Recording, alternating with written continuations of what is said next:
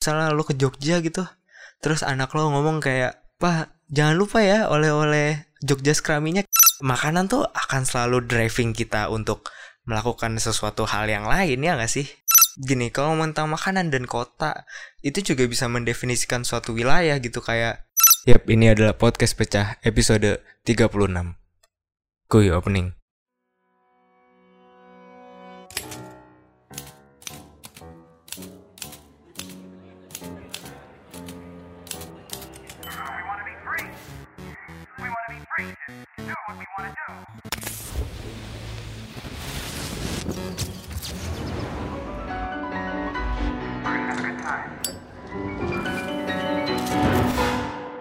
You're listening to Podcast Pecah.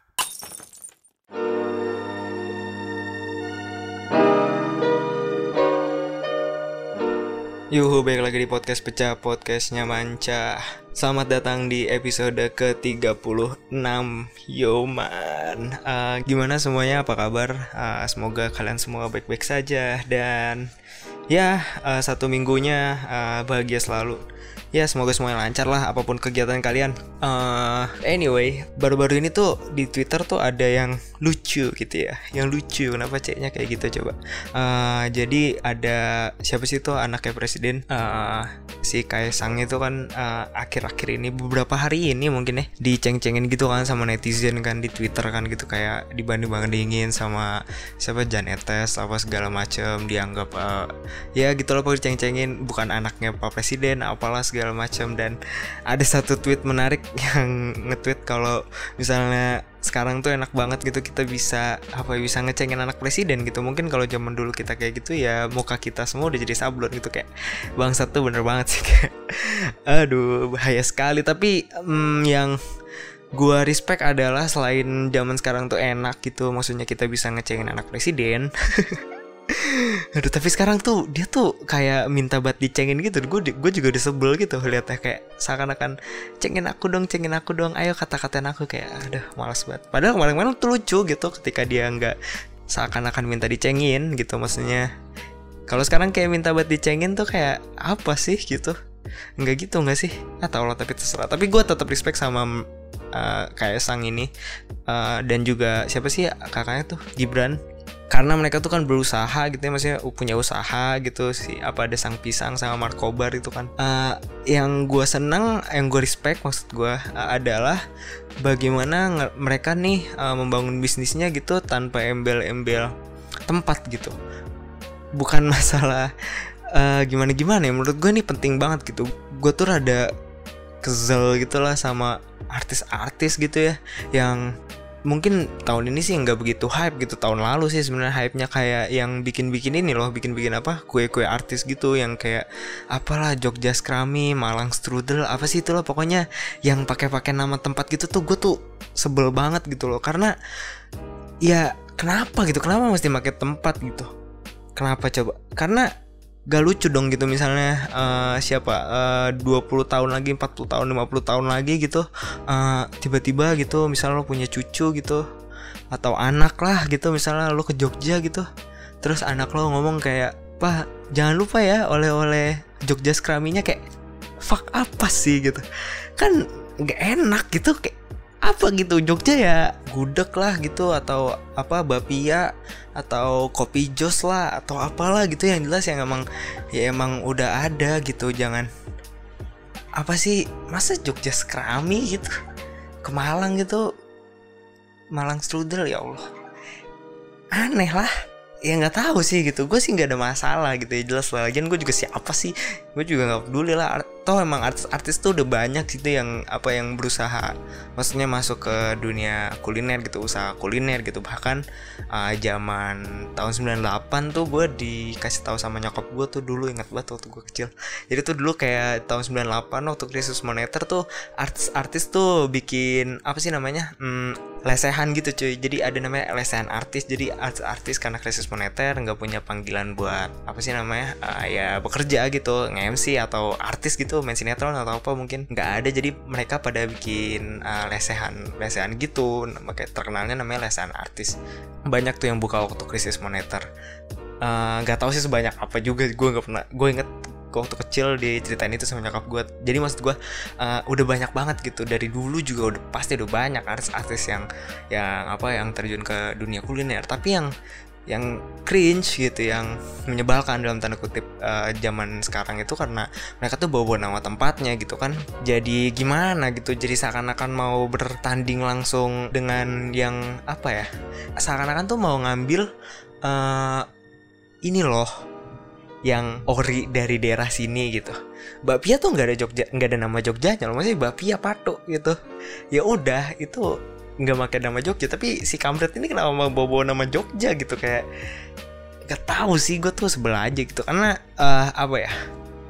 Ya menurut gue tuh makanan tuh pasti relate banget kan sama identitas gitu. Apalagi identitas tempat ya gitu. Kayak kalau misalnya uh, apa ya? Ya sesederhana lu bayangin aja gitu. Kayak ada orang tiba-tiba bawa lu misalnya di kampus gitu uh, temen lu ada yang bawa apa pempek gitu. Pasti kemungkinan besar dia orang Palembang gitu. Karena ya identitas banget kan. Contohnya tuh sesederhana itu atau apalah gitu uh, dia bawa bir peletok gitu atau misalnya pas nikahan dia pakai uh, apa roti buaya gitu ya dia orang Betawi gitu. Maksud gua makanan tuh seidentitas itu men. Nggak cuman sekedar kebutuhan biologis tapi makanan juga bisa mendefinisikan identitas seorang gitu. jadi ketika ada disruptif dalam tanda kutip uh, dengan kue artis kue artis yang membawa nama-nama tempat ini itu tuh uh, menurut gue ya yang gak asik aja gitu. Harusnya nggak gitu nggak sih?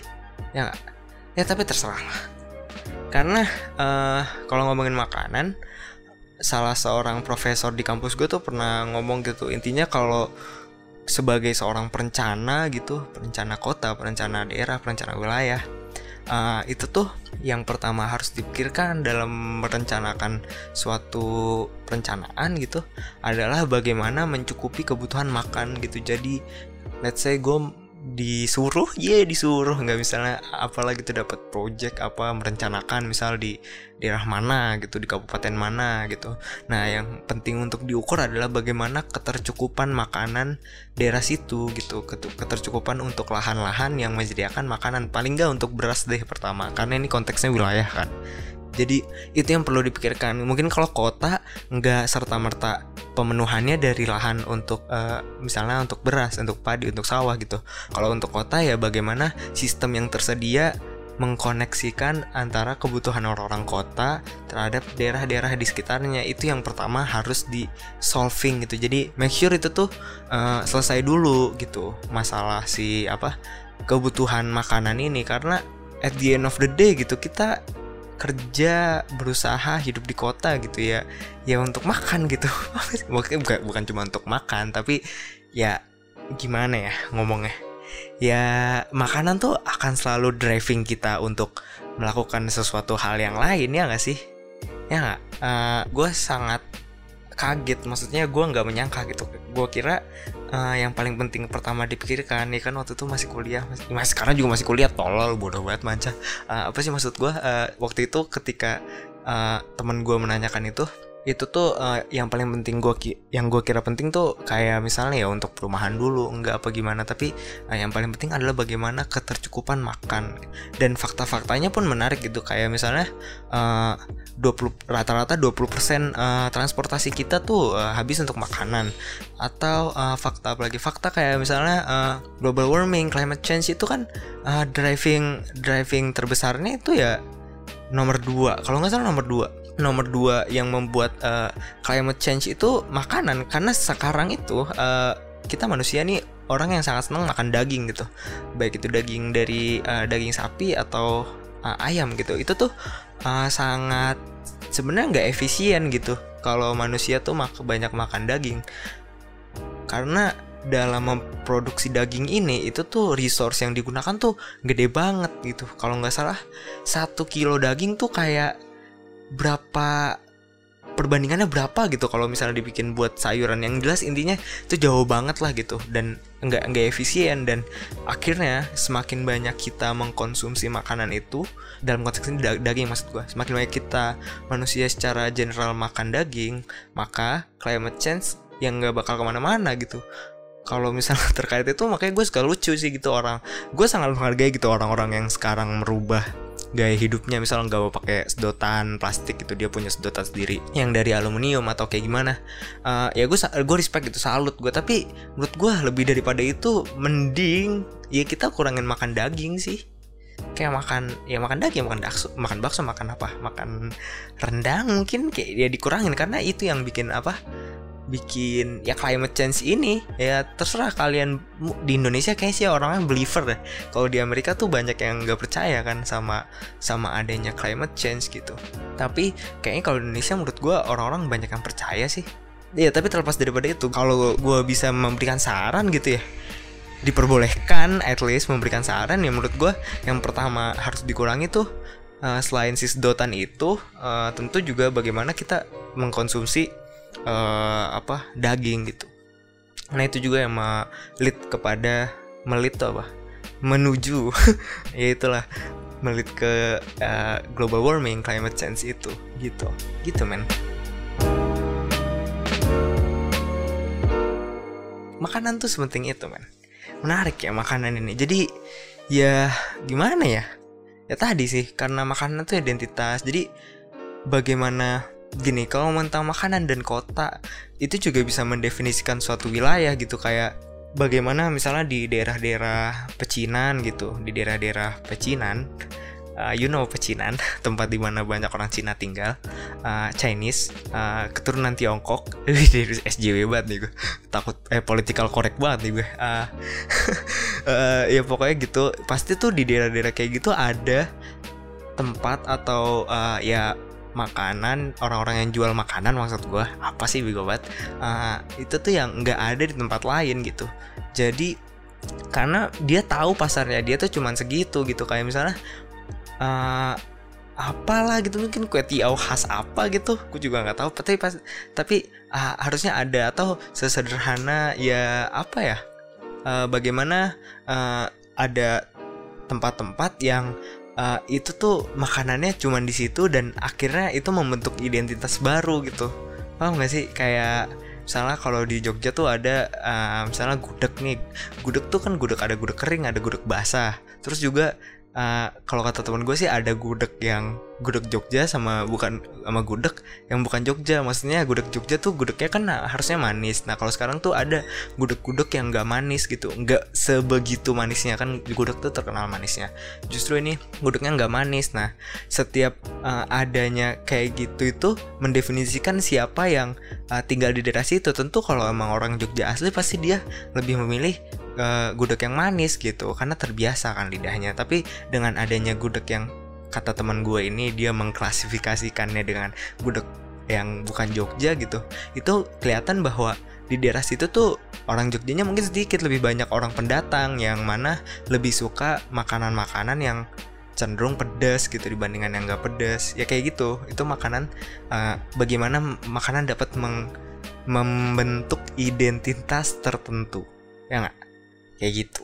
Dah lah kayak gitu aja.